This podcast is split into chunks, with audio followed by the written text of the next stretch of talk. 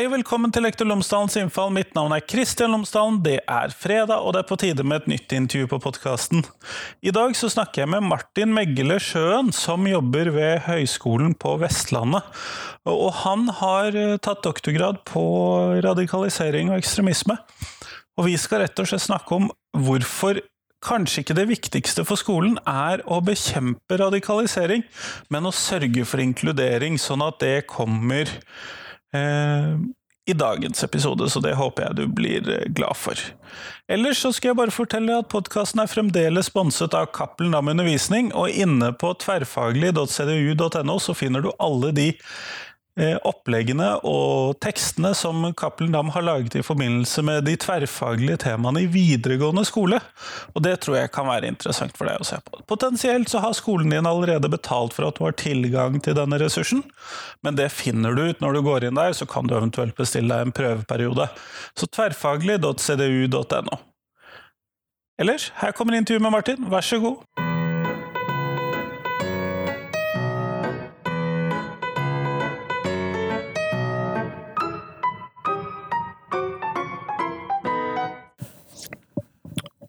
Martin Sjøen, tusen takk for at du har tatt deg tid til meg i dag.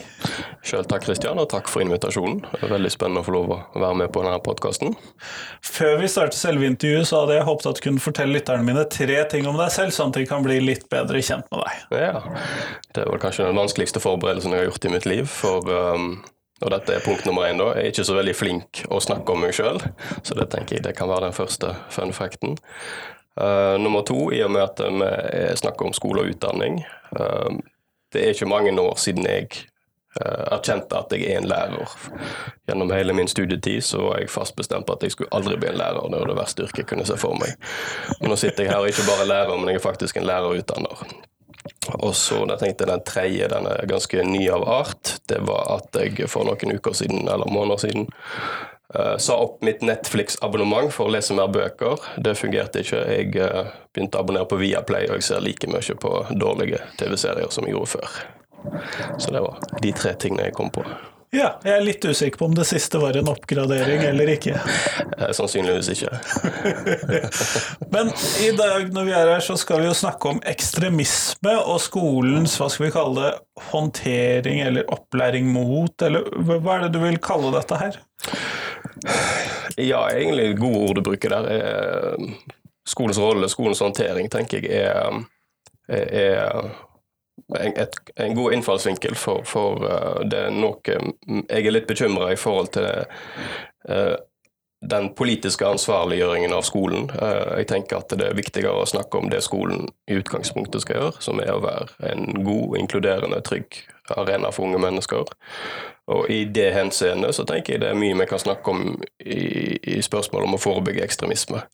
Um, ja, fordi at skolen så blir det blir jo ofte ropt på skolen når ting skjer. Eh, og det gjelder jo nesten uansett om det er privatøkonomi, eller om det er eh, radikalisering, eller det er mangel på svømmekunnskaper, så ropes det på skolen.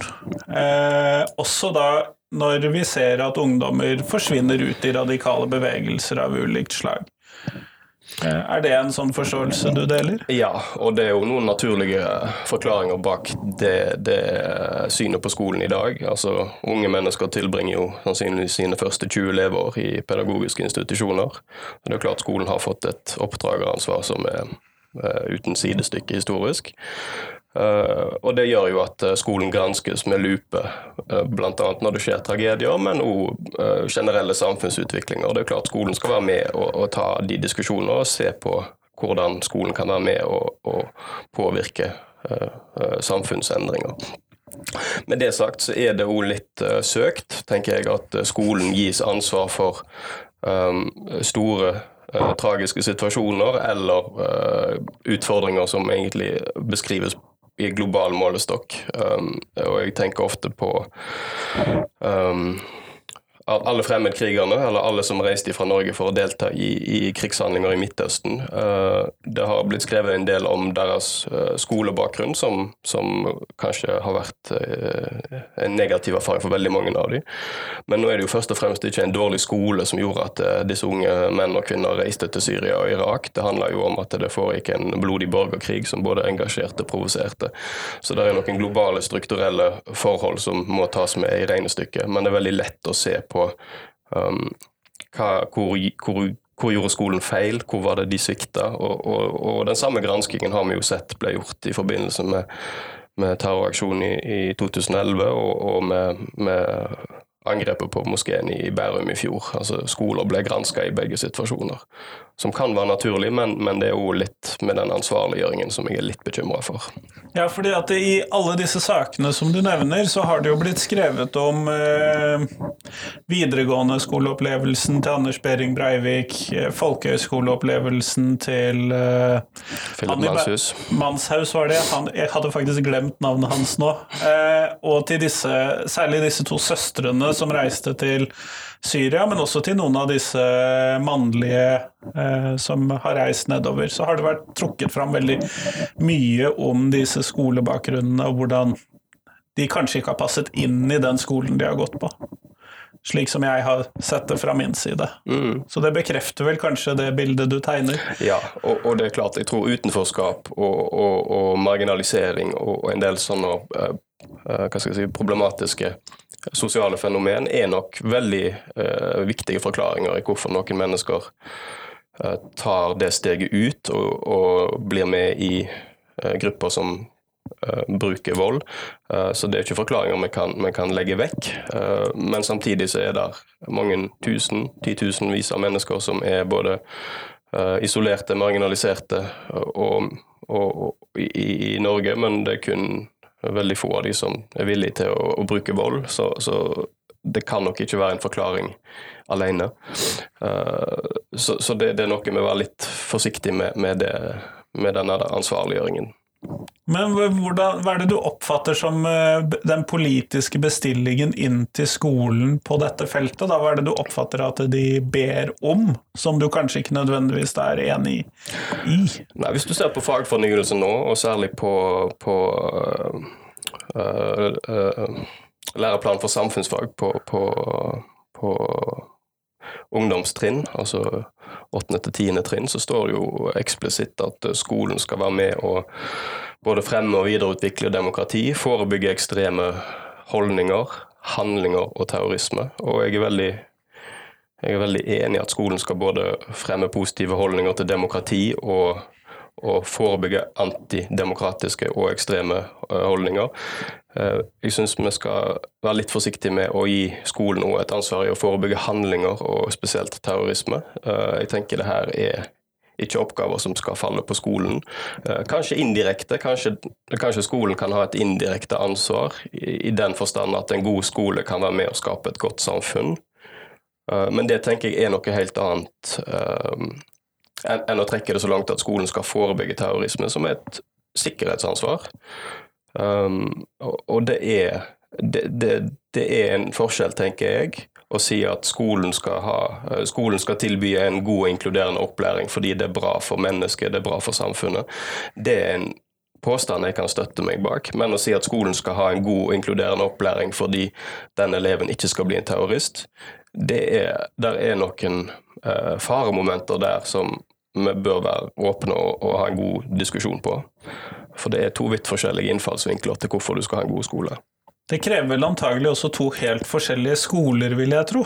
Eh, som I den forstand at eh, hvis vi skal da forhindre at hver enkelt elev gjør noe kriminelt, eller hver enkelt elev driver med terror, eller hver enkelt elev slutter seg til en eller annen bevegelse, det, det, krever et ganske annet opplegg enn vi skal fortelle, gi deg gode holdninger og lære deg ting. Det tenker jeg, Da er du helt inne i kjernen av det som jeg eh, er bekymra for. Eh, og, og, Storbritannia, som er foregangslandet på, på, forebygging, altså den brede samfunnsmessige forebygging av ekstremisme. Eh, der ser vi en utvikling at uh, man får ofte sånne an angivertendenser i skole. Um, nå har ikke jeg de mest oppdaterte tallene på det her, men i en årrekke så var det mellom 6000 og 8000 unge uh, briter som ble henvist til, til, til, myndigheter hvert eneste år. og De fleste ble henvist fra ansatte i skole, med fare for at de kan utvikle seg til å bli terrorister. og da, da da blir de sendt til et sånn, eller får tilbud om å bli sendt til et såkalt channel-program som skal gå inn og avdekke om, de har, om det er et grunnlag for at de kan bli terrorister. Og Det er jo en svimlende sum, eh, og det blir en sånn angivertanke bak. Og det settes press på både skole og lærere at det her er et oppdrag som dere må gjøre for å Ellers så kan vi trekke finansiering, det kan gå utover muligheten til å utøve læreryrket. Så det skaper jo en enorm frykt. Eh, og jeg tenker òg at vi har det er et relativt nytt felt, det her med, med, med forebygging av ekstremisme i skole, i hvert fall i den målestokken vi ser i dag. Men vi har jo eh, gode eksempler på andre siden av Atlanterhavet med USA, der det har foregått en såkalt eh, sikkerhetsliggjøring av skolen i flere tiår.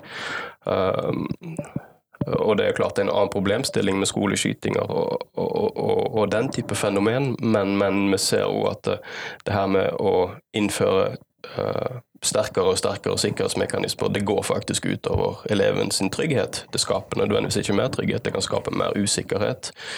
Uh, og, og, og, det er en del uh, uante konsekvenser som, som er veldig bekymringsverdige.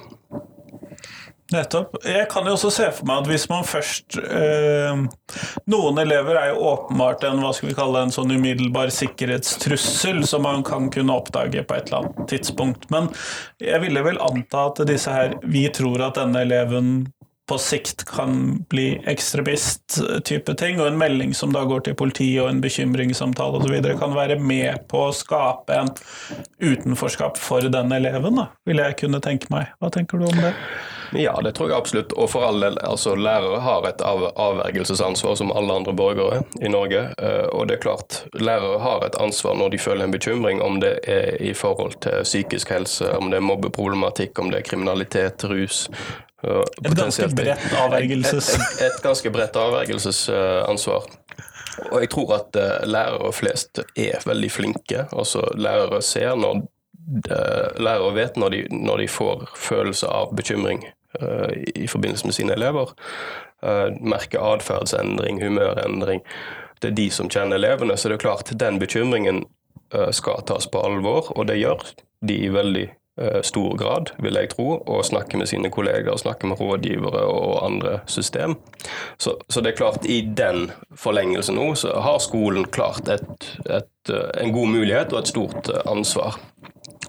Men, men, men på en måte hvor går vi ifra skrittet, som du uh, antyder her, uh, at du har en bekymring, at du merker en atferdsendring, til at vi skal koble det på mulig ekstremist, mulig terrorist? Uh, er du det hvis du uh, barbere håret ditt, hvis du utvikler en, en, religiøs tilknytning, hvis du går i andre klær, hvis du poster ting på Facebook eller Instagram som er knytta til en borgerkrig. Eller, for et ordentlig skjegg. For et ordentlig skjegg. Uh, hvis du ser på, på myndighetene sin på en måte sjekkpunktliste over sånne uh, faresignal eller bekymringstegn, så tror jeg du kan finne noe på alle elevene dine i klassen. Så, så, i praksis så er det ikke lett å vite hvordan du skal gjennomføre det her. Og du jo, antyder jo ordet at kan man skubbe folk lenger ut mot det ekstreme.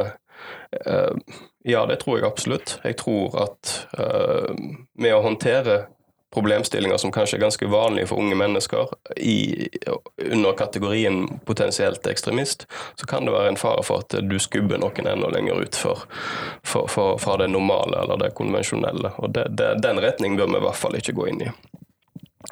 Uh, ja, og jeg tenker òg at uh, det kan skape en del uheldige praksiser der unge mennesker sensurerer seg sjøl, for å si det sånn. De modererer den de egentlig er, for de ønsker ikke å bli assosiert med, med visse begrep som terrorist uh, og, og, ekstremist. Uh, og det er jo uheldig et demokrati uh, at, at, mennesker ikke skal få lov å på en måte ha sin livsførsel, for de er redd for at det, det skaper um, en, en sånn stigmatiserende praksis. Eh, og der er noen studier i Norge som antyder det at uh, særlig muslimer ofte vil selv sensurere seg, for, for, de er redd for på en måte denne merkelappen. Og det tenker jeg det er en problematisk side som vi skal ta på alvor. Nettopp. Uh, men hva tenker du da at skolen Hva er det skolen skal fokusere på? For nå har vi jo sagt kanskje hva ville være problematisk om skolen fokuserte på, eller ble eh, bedt om å fokusere på, men hva er det vi bør gjøre isteden? Hva er det vi skal skape? Ja, det er et veldig godt spørsmål, og det er, uh, tror jeg det er et uh, langt forskningsfelt som ikke har funnet svar. De har kanskje stilt mer spørsmål i så måte. Det jeg mener, det er at skolen bør være en grunnleggende god skole. Altså spørsmålet hva er, ligger i en god skole? Jeg tror ikke vi kommer noe lenger uten å, gå inn på det. Jeg tenker at en god skole er er en arena som er preget av demokratiske prinsipper, der det er grunnleggende uh, inkludering på, på, agendaen. Det er en skole som er basert på relasjonelle prinsipper, der du blir ivaretatt og møtt som et medmenneske. Selvfølgelig så skal elever som lærere bli møtt uh, på en konstruktiv, kritisk måte i, sine uttrykk, i sine holdninger. Uh, men vi skal ivareta mennesket bak. altså Vi skal ta på alvor de følelsene som unge mennesker kommer med i skole uten at det nødvendigvis innebærer at de skal få aksept for sine holdninger.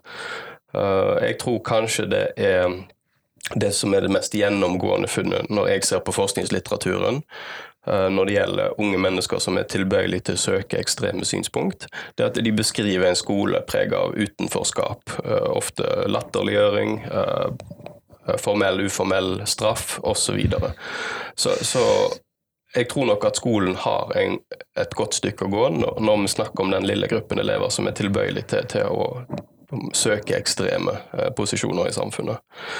Um, jeg tenker også en god elevsentrert skole, uh, der læringsaktiviteter føles interessante, relevante, der de tar utgangspunkt i elevene sine behov, elevene sitt syn på livet, um, er, er veldig viktig.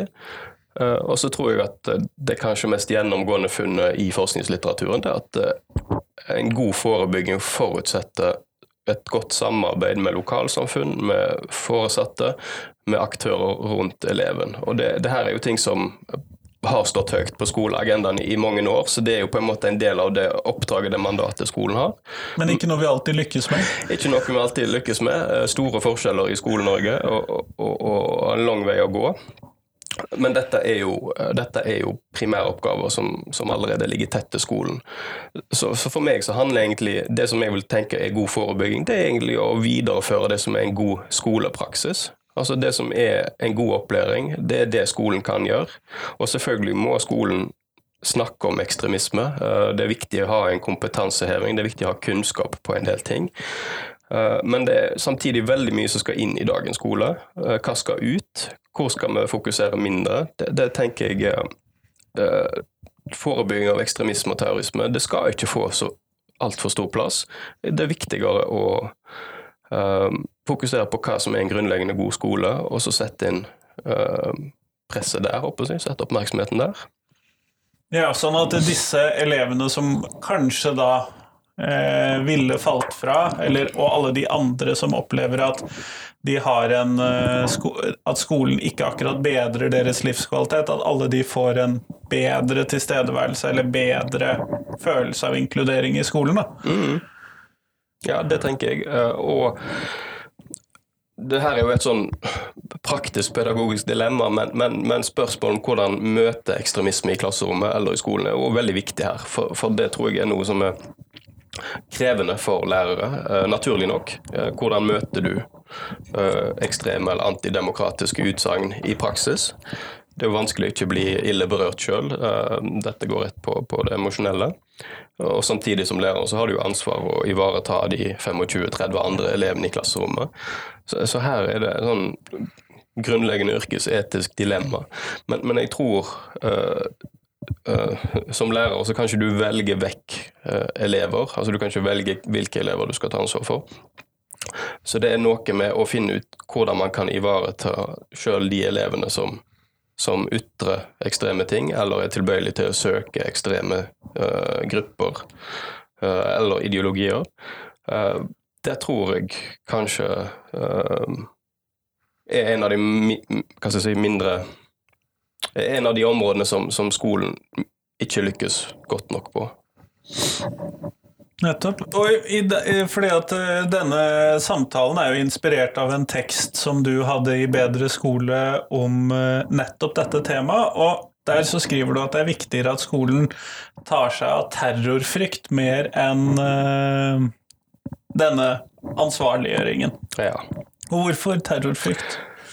Nei, jeg tenker um, Dette er litt på en måte grunnleggende uh, om terror som et fenomen. Terror har både en um, fysisk og en psykologisk slagside. Altså, vi har selv uh, blitt ramma rammet av terrorangrep i Norge, og den, den kan koste menneskeliv og, og, skape stor skade. Men terror har samtidig en psykologisk dimensjon. Den skaper frykt og usikkerhet i samfunnet. Det, det, kan komme det kan, i, i, ulike utslag. Det kan gå på tillit mellom mennesker, tillit mellom mennesker og politiske, juridiske institusjoner.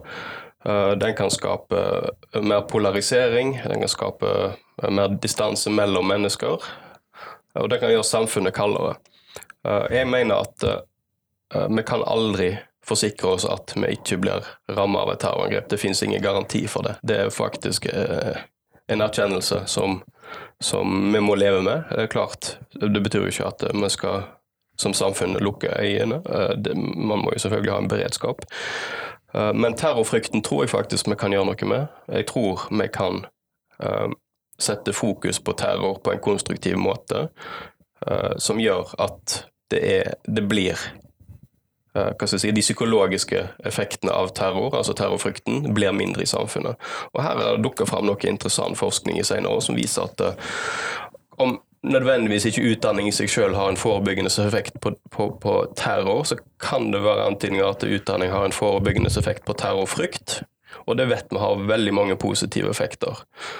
Og, og Norge blir jo ofte trukket fram som et uh, særeksempel på, på, en nasjon som har opplevd terror, men som har håndtert det på en måte som er innenfor uh, si, de uh, demokratiske idealene som toleranse, åpenhet og og så kan vi jo selvfølgelig diskutere hvor lenge varte rosetogene etter 2011, eh, men det er allikevel noen verdier og idealer som jeg mener det er viktig å verne om. Og, og, det å, å, på en måte kunne gå inn og redusere uh, terrorfrykten, det er ikke en liten bragd. Hvis skolen kan være med og bidra det, i det sporet, så tenker jeg det, det, vil være noe Det vil faktisk være en veldig uh, stor uh, oppgave som, som, som, skolen kan gjøre. Men hvorfor tenker du at dette er særlig viktig, da? Det er jo det som Hvilken effekt har dette på elevene eller på samfunnet at vi reduserer denne terrorfrykten, slik du ser det?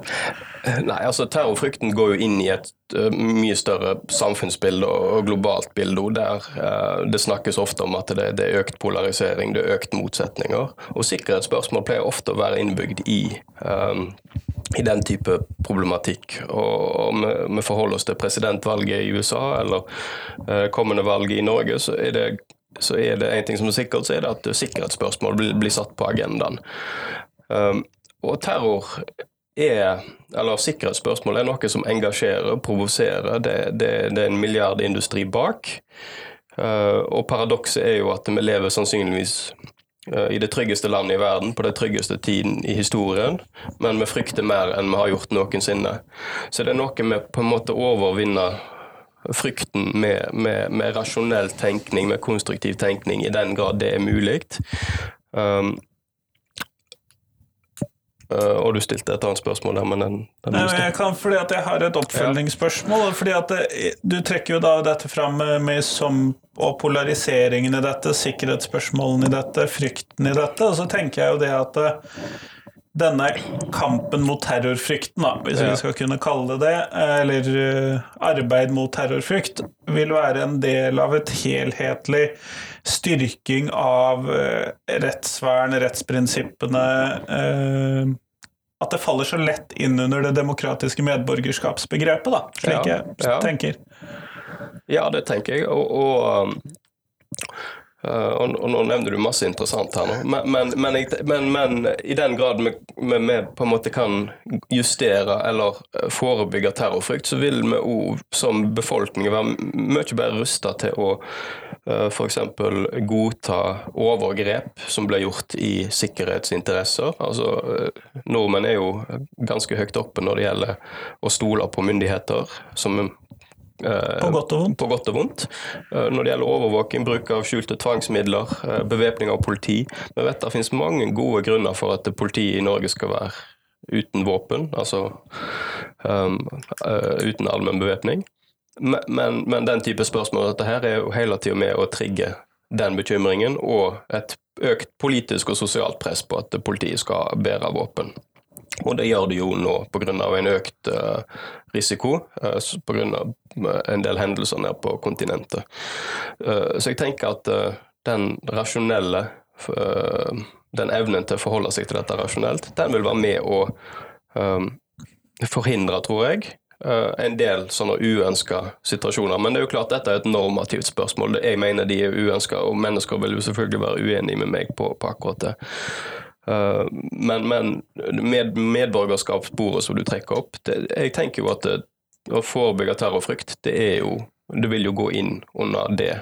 Det, det handler jo om hvordan vi som mennesker uh, skal leve sammen i, et demokrati, og selvfølgelig videreutvikle det demokratiet. Og da trenger vi jo selvfølgelig å snakke sammen. Uh, og et samfunn som er preget av splittelse og, og frykt, er nok mindre rusta enn et samfunn som er mer åpent, som, som kan håndtere det her innenfor de normale demokratiske spillereglene. Men I stad så var du innom dette her med når elevene kommer med kontroversielle eller problematiske utsagn i klasserommet, og da velger jeg å inkludere i eh, elevbesvarelser og skriftlig osv. inn i det, for det er jo et bilde som hører sammen. Men hvordan tenker du at vi skal reagere når elevene kommer med hva skal vi kalle det, vanskelige uttalelser i jeg, jeg, tenker jo det her er på en måte sånn klassisk uh, klasselederspørsmål. Altså Dette handler jo om relasjoner, det handler om tillit. Um, og Da finnes det ikke ett svar å gi. Og sannsynligvis de som jobber i skolen, har jo mye bedre forutsetninger å gi et godt svar på det enn meg, for de sitter jo med erfaringen. Uh, nå er det jo sånn, og det å være ung, det handler jo om å finne litt uh, Finne ut hvem du er i verden, hvor du vil i verden. Uh, det handler om å være i opposisjon, det handler om å provosere, det handler om å utfordre. Så jeg tror at veldig mye av ungdomslige uttrykk er harmløse. Um, uh, og det er jo en viktig grunn til å være skeptisk til å koble uh, på det her terrorsporet hele tiden. For, for, det er jo ingen tvil om at unge mennesker, uh, elever, vil si ting for å provosere en lærer.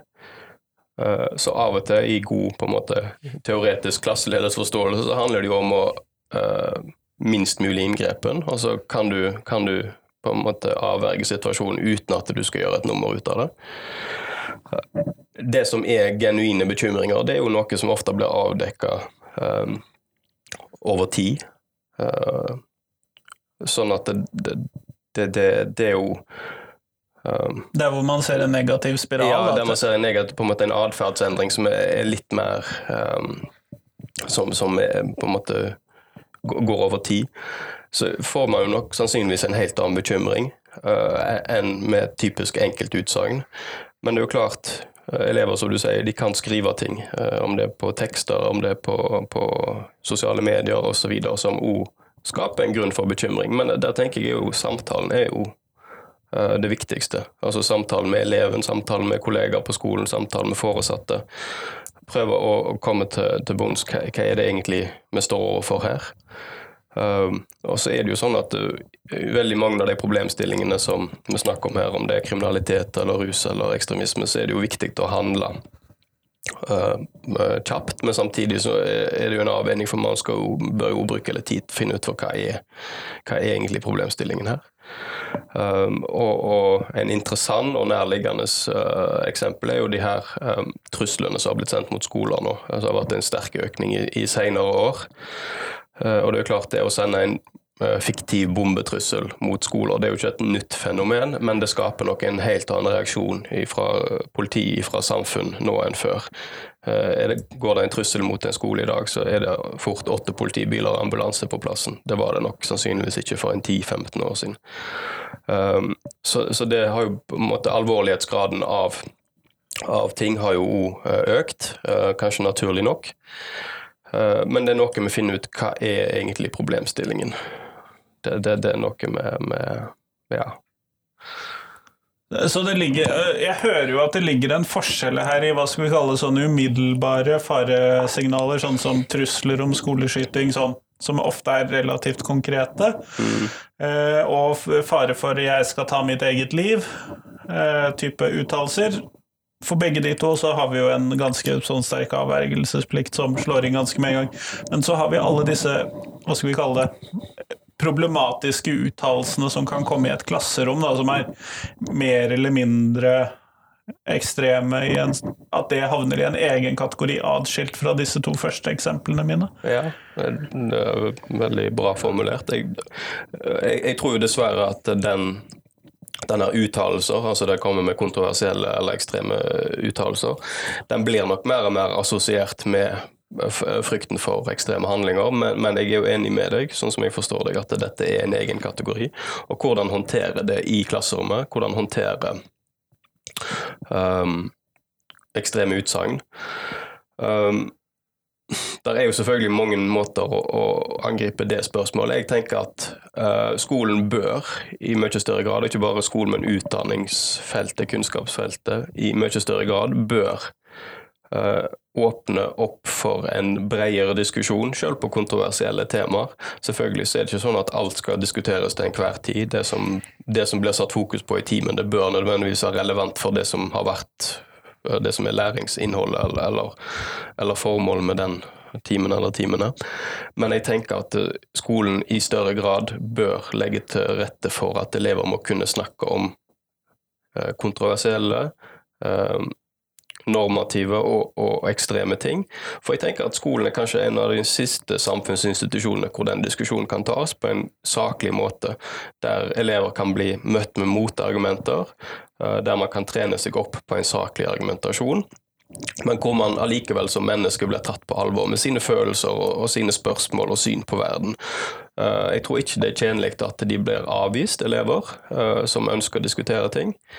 Uh, og, og, eller eventuelt å bli latterliggjort eller å bli på en måte uh, straffa uh, for, for, å trekke opp en diskusjon. Jeg tenker at skolen må faktisk ta unge mennesker på alvor her.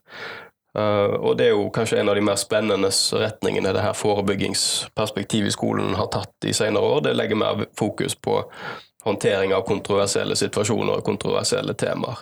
Så det tenker jeg òg at eh, Når vi først snakker om forebygging, så er det kanskje et viktig spor å gå, i mye større grad enn å snakke om uh, identifisering av potensielle terrorister osv. Jeg tenker det her med å, å skape en, en, læringsarena der elever er trygge nok på, på, på at de uh, kan få lov å bruke sin stemme. Og det er jo klart, det i seg sjøl, får man det til, så har det en uh, positiv konsekvens langt utover forebygging av ekstremisme. Det vil jo òg kunne legge til rette for at elever som ikke forstår, uh, som, ikke, som ikke mestrer de, de, læringsformålene, faktisk tør å gi beskjed at vet du, ja, det her forstår jeg ikke, kan du gå gjennom det en gang til?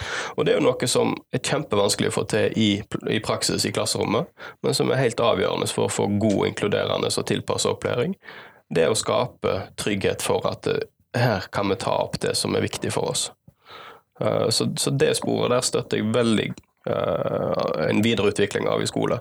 Men, det handler jo om at lærere må være trygge på at de tør å stå i de situasjoner.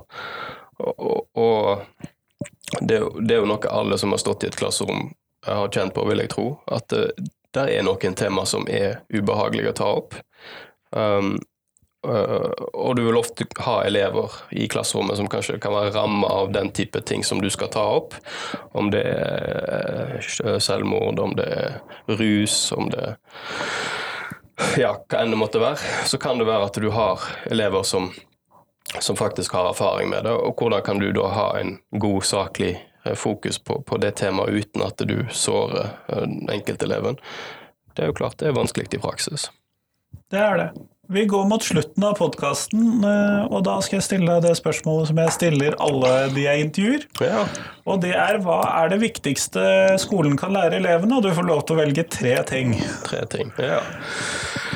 Ja, da tenker jeg da må det bli litt normativt, for jeg tror dessverre at deskriptivt det viktigste skolen lærer elever, det er jo sosial reproduksjon. Um, men det jeg tenker, uh, det jeg skulle sett var litt mer framtredende, det var medmenneskelighet. Uh, jeg er litt overraska at det begrepet kun brukes én gang i fagfornyelsen.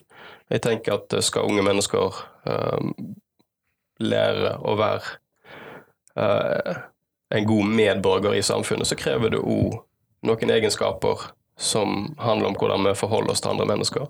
Så jeg savner medmenneskelighet som, som et begrep eller et fenomen.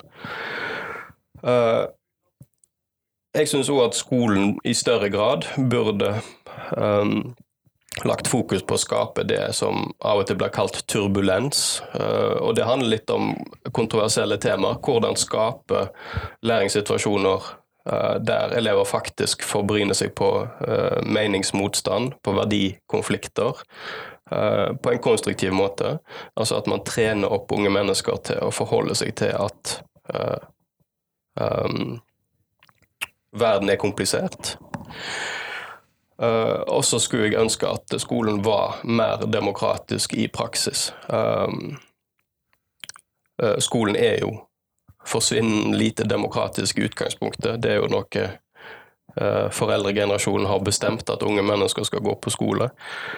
Uh, så, så, jeg skulle ønske at elever hadde, et, uh, hadde større påvirkning på det innholdet i skolen, og da særlig i retning av det jeg har nevnt tidligere, at innholdet bør oppleves interessant og relevant fra unges perspektiv. Jeg tror det, det blir veldig fort voksenstyrt. Kjempeflott. Tusen takk for at du tok deg tid til meg i dag. Selv takk for invitasjonen.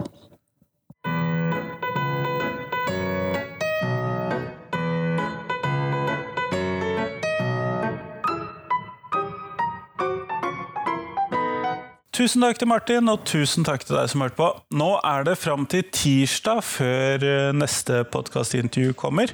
Og i mellomtiden så hadde jeg håpet at du kunne gå inn på Instagram, Twitter, Facebook eller en av disse Facebook-gruppene som jeg poster Tenketorsdag-poster i. Fordi at i går så kom Tenketorsdag-posten 'Hva kjennetegner en god rektor?' Og i går så mener vi selvfølgelig 7. januar. Da kom posten 'Hva kjennetegner en god rektor?' Så håper jeg at du kan uh, fortelle meg hva du synes eh, kjennetegner en god rektor. Det blir jeg veldig glad for. Ellers, fram til neste gang, altså frem til tirsdag, så håper jeg at du kan gå inn og rate podkasten min der hvor du hører på podkast, og at du kan dele den med noen du tror vil sette pris på den. Og selvfølgelig, ha en god helg. Hei, hei!